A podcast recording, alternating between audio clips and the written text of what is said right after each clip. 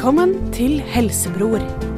Radio Revolts opplysningskontor for seksualitet og helse.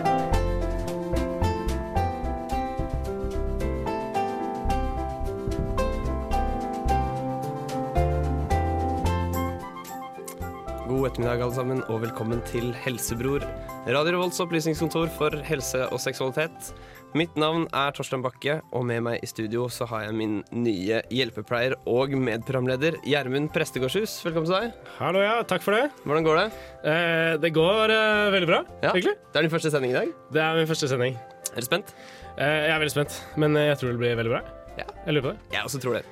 Dagens sending er nemlig den første livesendingen til Helsebror, og i den anledning så har vi valgt å ikke ha noe tema i dag. Nei, det blir vel en godt og blandet, eh, på et vis. Mm. Eh, vi skal høre litt om hva studentene mener er grunnen til at samfunnsfagstudenter har mer sex enn realfagsstudenter.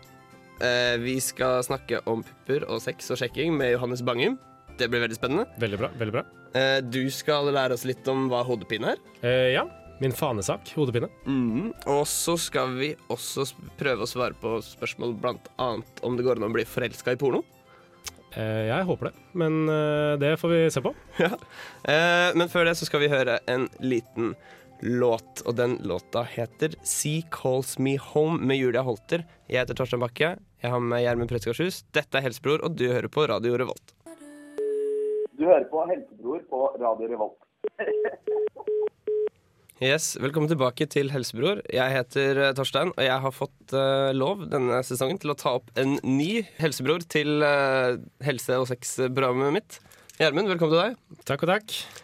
Hva driver du med, Gjermund? Jeg uh, har begynt i Trondheim nå, helt ny i byen, og har egentlig realisert at jeg aldri har vært lenger nord for Ikea på Lade. Går master eh, nå, vil Si første året, vel å merke. Men uh, ja, Hva for noe da? det er meg. Jeg, jeg liker å se på meg selv som eh, en sånn crossover-student, på et vis. Jeg går ja. geofag uten geofag, og så går jeg marinfag uten marinfag. Eh, så det er jo en litt rar kombo, kanskje. Nei. Ingen formell helsetrening, altså. Eh, nei, utover eh, helse Jeg har litt trening, faktisk. Eh, jeg har en ganske lang skadekarriere eh, med knær eh, og ledd og hode og egentlig det meste man kan skade seg på eller med. Så du er på en måte helsebrors mann innen knær og ledd. Eh, det er veldig bra. Yeah. Vi har jo startet opp dette programmet nå. Det er jo veldig, veldig ferskt.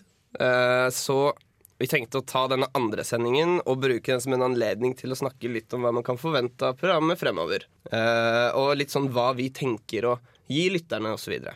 Uh, det er jo et program om helse og sex. Ja.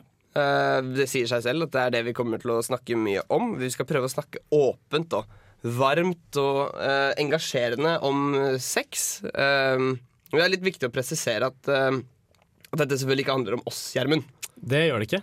Ikke våre sexliv, og, og ikke nødvendigvis vår helse. Selv om kanskje det kan bli tema fra gang til gang. Det kan fort bli det, Mm. men det er jo i all hovedsak et program for studenter, dette her. Ja. Eh, og så er det en liten disclaimer som vi bør komme med. Og det er jo at ingen av oss er noe fagpersonell i det hele tatt. Eh, nei. Verken leger, legesenter, psykologer, eh, sykepleiere eller noe som helst. Så det er derfor vi skal eh, jobbe eh, vårt beste for å få med eh, relevante gjester og, eh, og eksperter som kan svare oss på, på spørsmålene. Men vi tar forbehold om at alt som blir sagt i programmet, må tas med en klype salt. Ja. Eh, ja. Kan du lese litt fra måldokumentet til programmet, sånn at folk kan ta del i, i det? Um, skal prøve å være tilgjengelig, upretensiøst, åpent, varmt og ikke minst korrekt. Program om sex, helse, trening, kosthold, mental helse og alt som har med studenter spesielt og menneskers generelt velvære. Vi skal bygge opp om positive holdninger til egen og andres kropp og helse, og bryte ned myter og misoppfatninger som ødelegger for god selvtillit. Veldig riktig, og veldig pent eh, lest, Torstein. Takk. Mange takk. Ehm, og utover høsten så skal vi, ehm, skal vi ha, snakke om en del forskjellige temaer. Det er ikke alltid det blir bare sex, eh, og det er ikke alltid det bare blir helse. Hva er noen av de tingene vi skal snakke om, eh, Gjermund? Eh, vi har blant annet neste uke begynner vi jo med pubertet. Eh, vi har program om eh, nakenhet. Vi har eh, ja, litt forskjellig, og så går vi litt dypere, tar et dypdykk på forskjellige typer sykdommer. Så det blir en, eh, et veldig generelt program om helse, eh, og studenter sånn ellers også. Mm. forhold til seksualitet og, mye annet. Eh, vi skal snart eh, høre eh, en reportasje hvor studenter har svart på hva de tror er grunnen til at eh, samfunnsfagstudenter har mer sex enn realfagsstudenter. Og vi skal snakke litt om det. Vi får en gjest på besøk. Vi skal ha Ukens sykdom, og vi skal ha noen spørsmål fra lytterne. Men før det så får vi Short Skirts med Hugs and Kisses. Jeg heter Torstein Bakke. Jeg har med meg Gjermund Pressekorshus. Dette er Helsebror på Radio Volt. Yes. Dette er Helsebror på Radio Volt med Torstein og Gjermund. Uh, og er det noe vi er opptatt av i dette programmet, så er det statistikk og facts rundt den generelle befolkningens sexvaner, og da studenter spesielt. Eh, og det vi skal snakke litt om nå, er forskjellen på de forskjellige studieretningene. Trondheim er jo en studentby. Det går et ganske markant skille mellom dragvollinger og gløsinger. Og vi har jo fått snusen i at det er sånn at generelt sett så har økonomi, samfunnsfag og humaniorastudenter mer sex i gjennomsnitt enn det realfagsstudenter har. Er du Ja. sjokkert, Even? Uh, jeg er egentlig ikke så veldig sjokkert. Uh, for min del så virket det veldig naturlig. Jeg tenker at uh, de som går på gløs, har kanskje mer å gjøre enn uh, en de som går på Dragvoll. Det er, det er kanskje ikke noe empirisk eh, forskning det jeg uttrykker her, men uh, jeg tror det er sånn der. La oss høre på reportasjen. Man er mer frilynt, vil jeg anta. Ikke så oppskriftsbasert. Jeg vil tenke at hjernen fungerer annet på en person som er veldig god i realfag, enn en person som er veldig god i samfunnsfag. Hjernen til eh, humaniorastudenter er åpenbart mer horete kobla, vil jeg tenke. Det, det tror jeg ikke er kjempegodt å svare på, men eh, jeg, jeg velger å tro, som tidligere humaniorastudent, at uh, humaniorastudenter er eh, generelt sett kulere enn realfagsstudenter. Eh, så kan det jo kanskje ha noe med kjønnsfordelingen å gjøre også. Uh. Samfunnsfaglige folk er diggere enn realfagsfolk. Nei, det må jo være fordi at de har mest fritid, da. Mer enn Energi til overs. Bedre kjønnsfordeling på studiet. Ja. Nei, det er vel fordi de ikke er så opptatt med skole. Da kan de finne på andre ting og Det kan jo også være at Fordi jeg tror det er flere humanoid-studenter. Så hver gang det er en realfagsstudent som har sex, så er det ganske større sannsynlighet for at samfunnsstudenten allerede har pult. Jeg hører ut som typen mennesker, med at det kanskje er litt mange som har sittet på, på realfag, som har sittet liksom hele ungdomsskolen og barne, nei, videregående på ja, ja, nei, men også kanskje ikke har så mye erfaring, men også at jeg har sittet kanskje foran PC-en hele tiden. Ja, Samfunnsfagfolka bryr seg ikke like mye om skolen, så de har gått ut og fått seg et liv i tillegg, mens realfagsfolka har sittet inne og pugga matte. De har så mye tid, vet du, så de kan må fylle med et eller annet. Ja, nesten ikke forelesninger. Det er fordi det er flere jenter, da, sikkert. Det er kjønnsfordeling. Sannsynligvis. Kanskje mer ute. Vi leser mye og. Og så er det litt mer sånn nerder her. Det vil jeg vel egentlig si. Nei, realfagsstudiet er ganske tøffe, da, så det kan jo hende at det er rett og slett mer fritid. Ja, kanskje det. Det er mye flere jenter. Og kanskje type personligheter som studerer hvilke studier. Eh, Sånn i forhold til P på realfag så kan være litt tøffe, litt sånn nerdestudier ofte. Mer sosialt. Litt stereotypisk, kanskje. Ja, det blir litt stereotyp. Men en, en annen stereotyp er at det er gjerne litt flere sånn frie sjeler på, på samfunnsfagene, kanskje. Sjekkereplikken på Gløs er litt for kleine. Og så bare et siste spørsmål. Eh, hvilken studieretning tror dere har mest sex av alle? Jeg tror uh, Induc, for de er veldig høye på seg selv, hele gjengen. Afrikastudier. Hvorfor? Nei, det er jo så eksotisk. Tippe bedriftsøkonomi, kanskje. Det har ikke noe annet verdifullt i livet enn sex, da. Kanskje noe sånn med noe idrett eller noe sånt noe. Ikke Elsis, i hvert fall. Vet ikke, ass. Sykepleiere. Psykologi vil jeg også tro kanskje Jeg tror det må bli eh, psykologi. Hvorfor det? Fordi de kan liksom sette seg inn i andre sin liksom De kan tolke den andre partneren, da. Så de får det de vil. Du hørte 'Undergrunnen' med Salighet Sosfir. Velkommen tilbake til Helsebror. Mitt navn er Torstein. Med meg i studio så har jeg Gjermund, min hjelpepleier og medprogramleder. Hei, hei. Vi hørte nettopp en rapportasje om hvorfor samfunnsfagsstudenter og økonomistudenter har mer sex enn realfagsstudenter. Ja. Ble du, ble du overrasket? Altså det, mye av svarene som gikk igjen, var jo at de har mer fritid, og at de har flere jenter. Ja. Og at de var hoved- flere. Ja, det var hovedessensen, iallfall. Tror du det stemmer? Eh, det tror jeg det kan gjøre. Eh, gutta tar kanskje litt tyngre fag. Eh, jeg vet ikke så veldig mye om det, men eh, jeg tror det. At de på en måte sitter og leser skole i stedet for å sitte hjemme og liksom utstudere sjekkereplikkene sine, f.eks. eksempel. Ja, Det var en som nevnte også at sjekkereplikkene på Gløs var for teite. Eh, ja, det kan jo godt være. Kan godt være. Si at de drar matematikk inn i sjekkingen. Uh, det gir ikke så veldig mye hell, tror jeg. Nei, sannsynligvis ikke. Eh, vi spurte jo også hvilken linje som, som folk trodde hadde flest sexpartnere, eller der hvor folk hadde mest sex. Ja. Og Der var det mye, mye oppfinnsomme svar, syns jeg. Eh, Jeg likte veldig godt Afrikastudier fordi det er eksotisk. Eh, og så var det ved flere anledninger at jeg spurte, sa psykologistudenter. Selvfølgelig, for de manipulerer folk til å ha sex med seg. Jeg bet meg også veldig merke i det. Uh, det var jo en, uh, det var en morsom måte å vinkle det på, Ja. men jeg håper ikke det er sånn. Um, det er en litt sånn spekulativ reportasje å gjøre det her, og spesielt siden jeg bare gikk på Gløs og spurte folk, så er det litt Kanskje ikke helt objektive svar jeg får.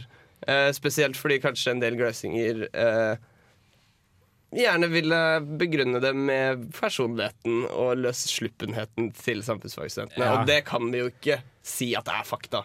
Sånn Nei, det fot. er sant. Nei. Så det blir en, eh, det blir en viss sånn uh, fordomsfull vurdering av det, på et vis. Men fra sex Eller kan vi komme med svaret først. da Svaret er jo at økonomistudenter er de som har mest sex av alle. Eh, økonomisenter og, medisin, og medisinsenter har eh, mest sex. Sånn er det bare. Sånn er det bare.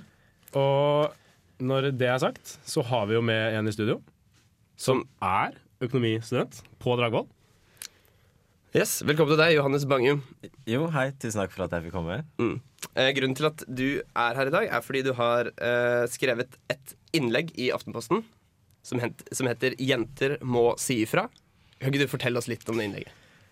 Dette innlegget skrev jeg faktisk eh, i eksamenstiden nå i våres. Og det var etter at det hadde gått en sånn lang, lang voldtektsdebatt, som egentlig hadde startet med han Thomas Seltzer, eh, med denne mm, pornofilmen hans. Hvor det både hadde vært eh, diskusjon om seksuell trakassering og om voldtekt. Og det som slo meg i den debatten, var at den debatten var veldig svart-hvitt.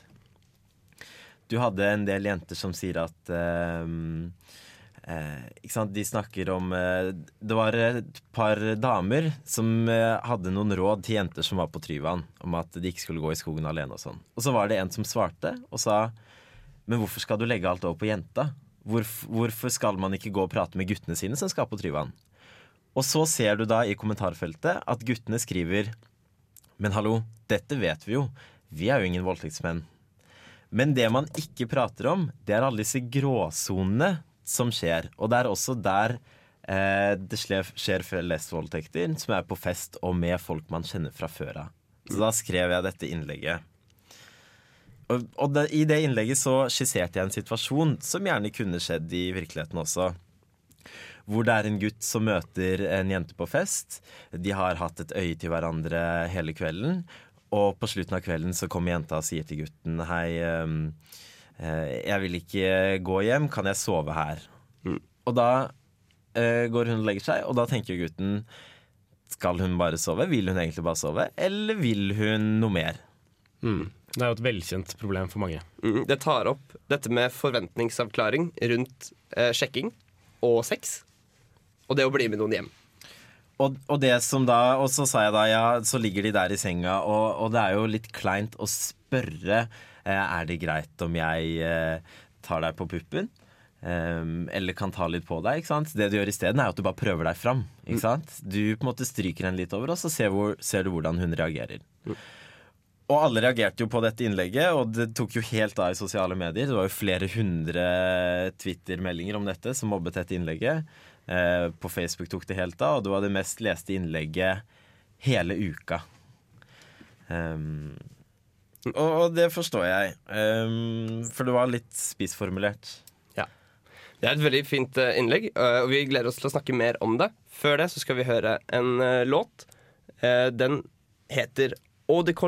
Bandet heter Beglomeg. Du hører på Helsebror på Radio Volt. Velkommen tilbake til Helsebror med Gjermund og Torstein.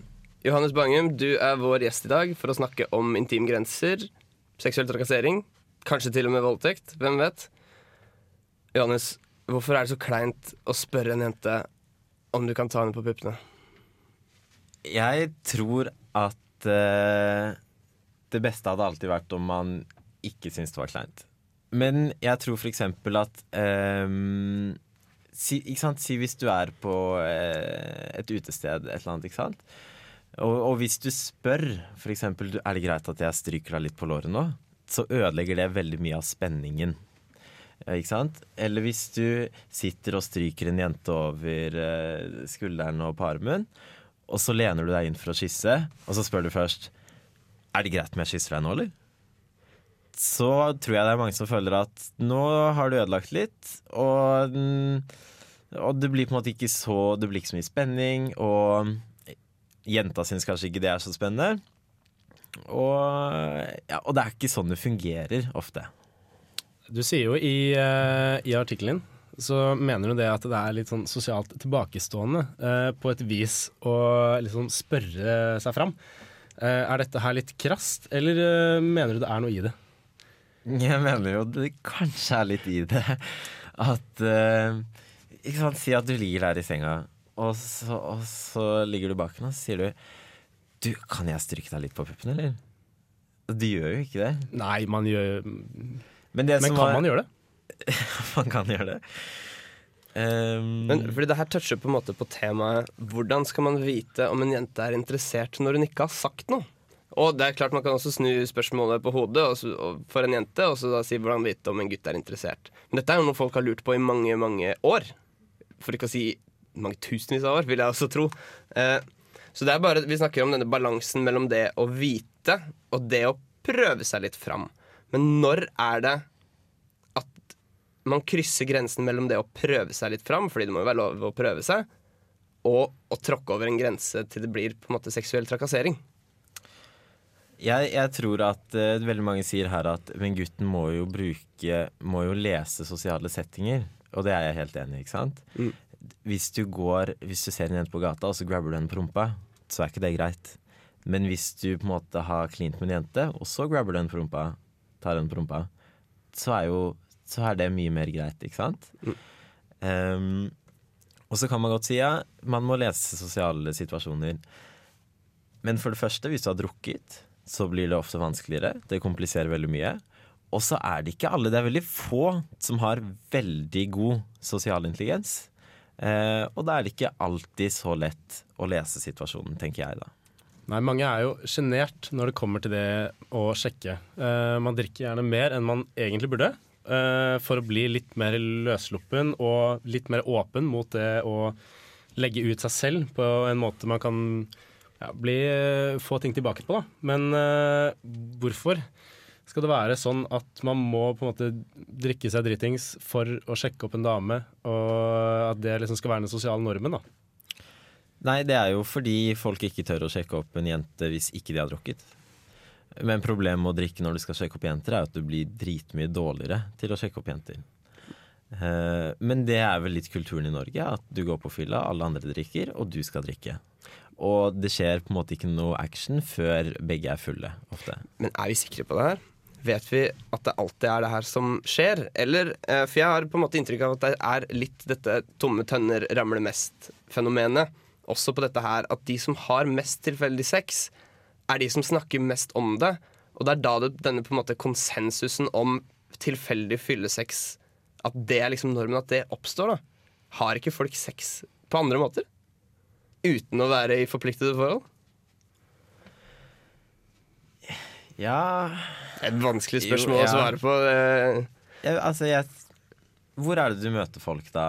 Altså Du kan jo ha som friends with benefits. Og hvis man møtes på dagen og på en måte finner ut at du skal ha sex sammen, så tror jeg at dette går mye mer av seg selv. At det, det, det blir ikke så mye problemer. Det er veldig få som føler at de tråkket over en grense da, hvis de gjør det når de er klin edru. Ikke sant?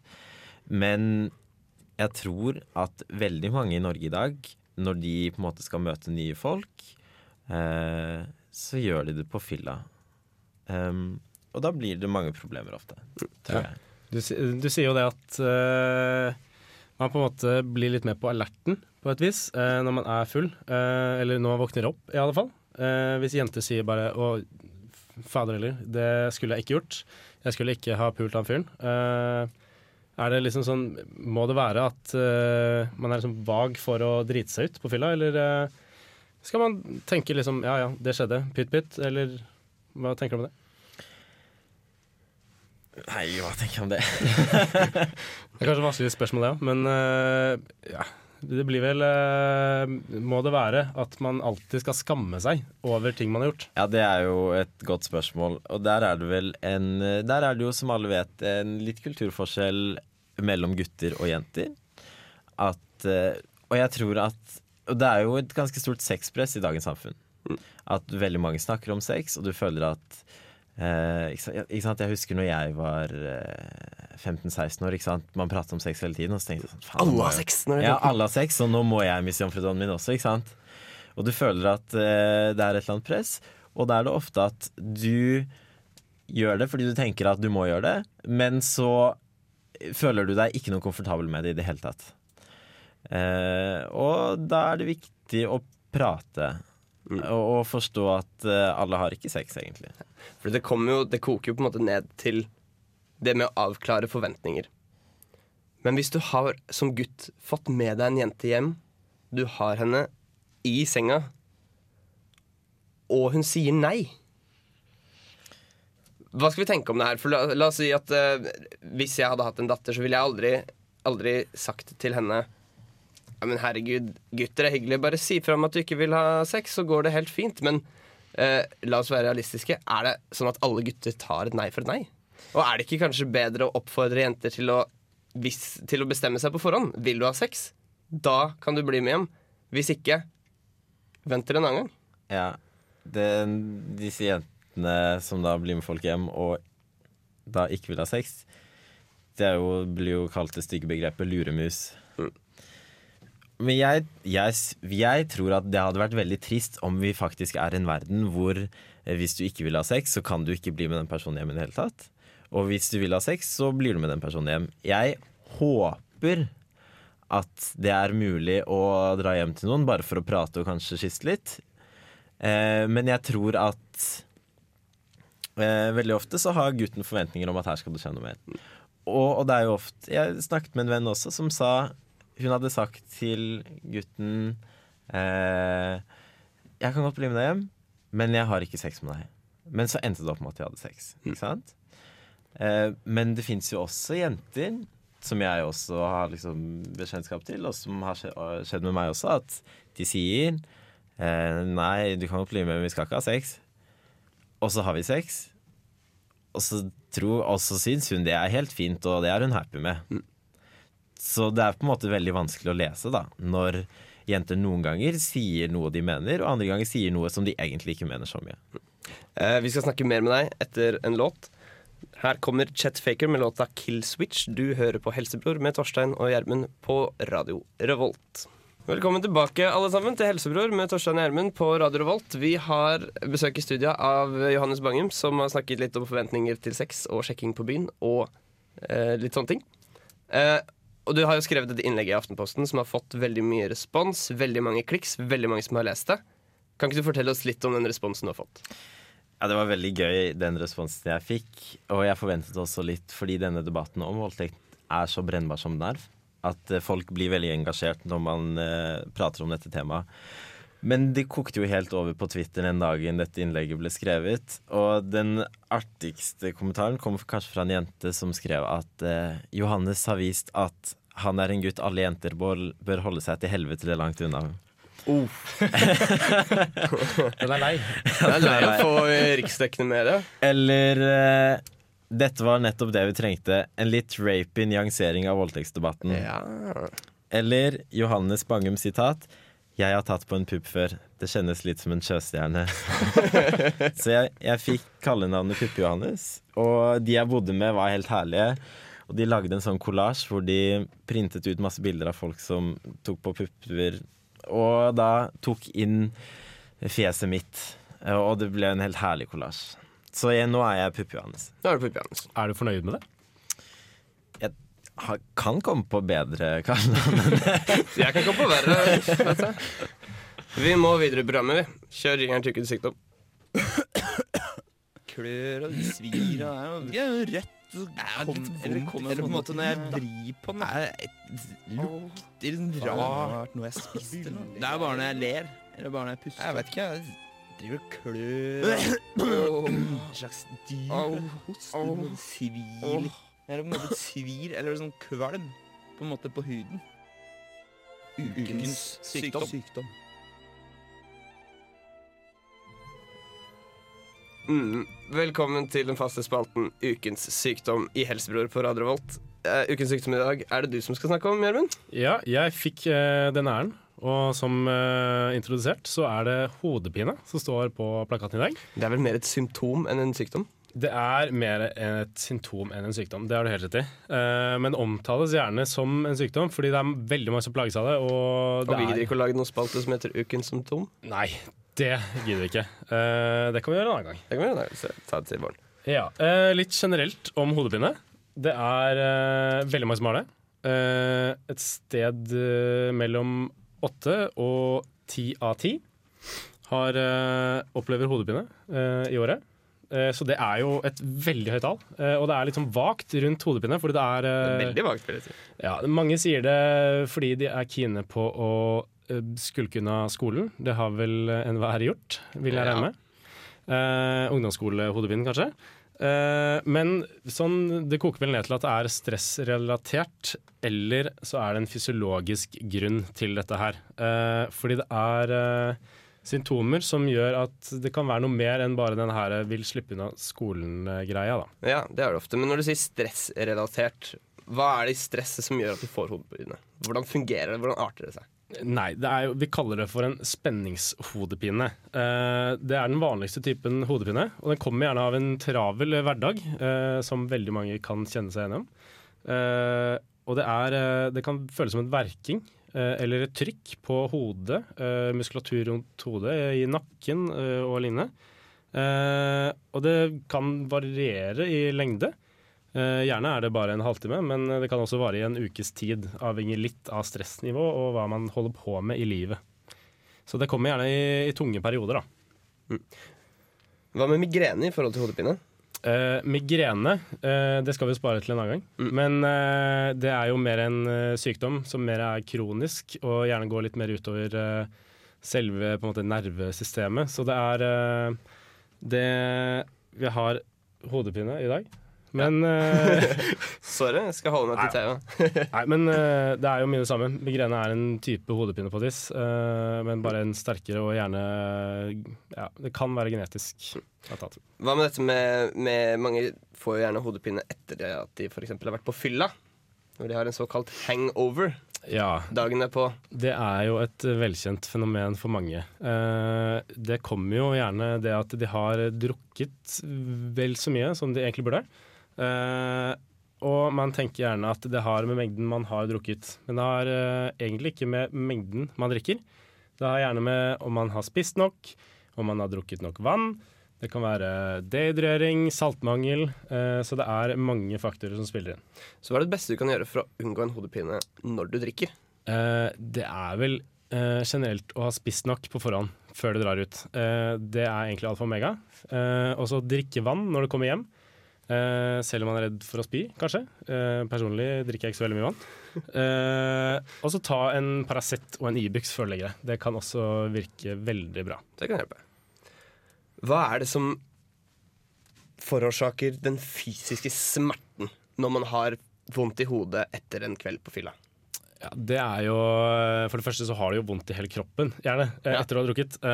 Men i hodet så er det gjerne en sånn pulsering. Du føler at uh, hele hodet bare er under trykk, og det Mm. er det for så vidt også. Fordi alle disse her små blodårene i hodet, de trekker seg på en måte sammen.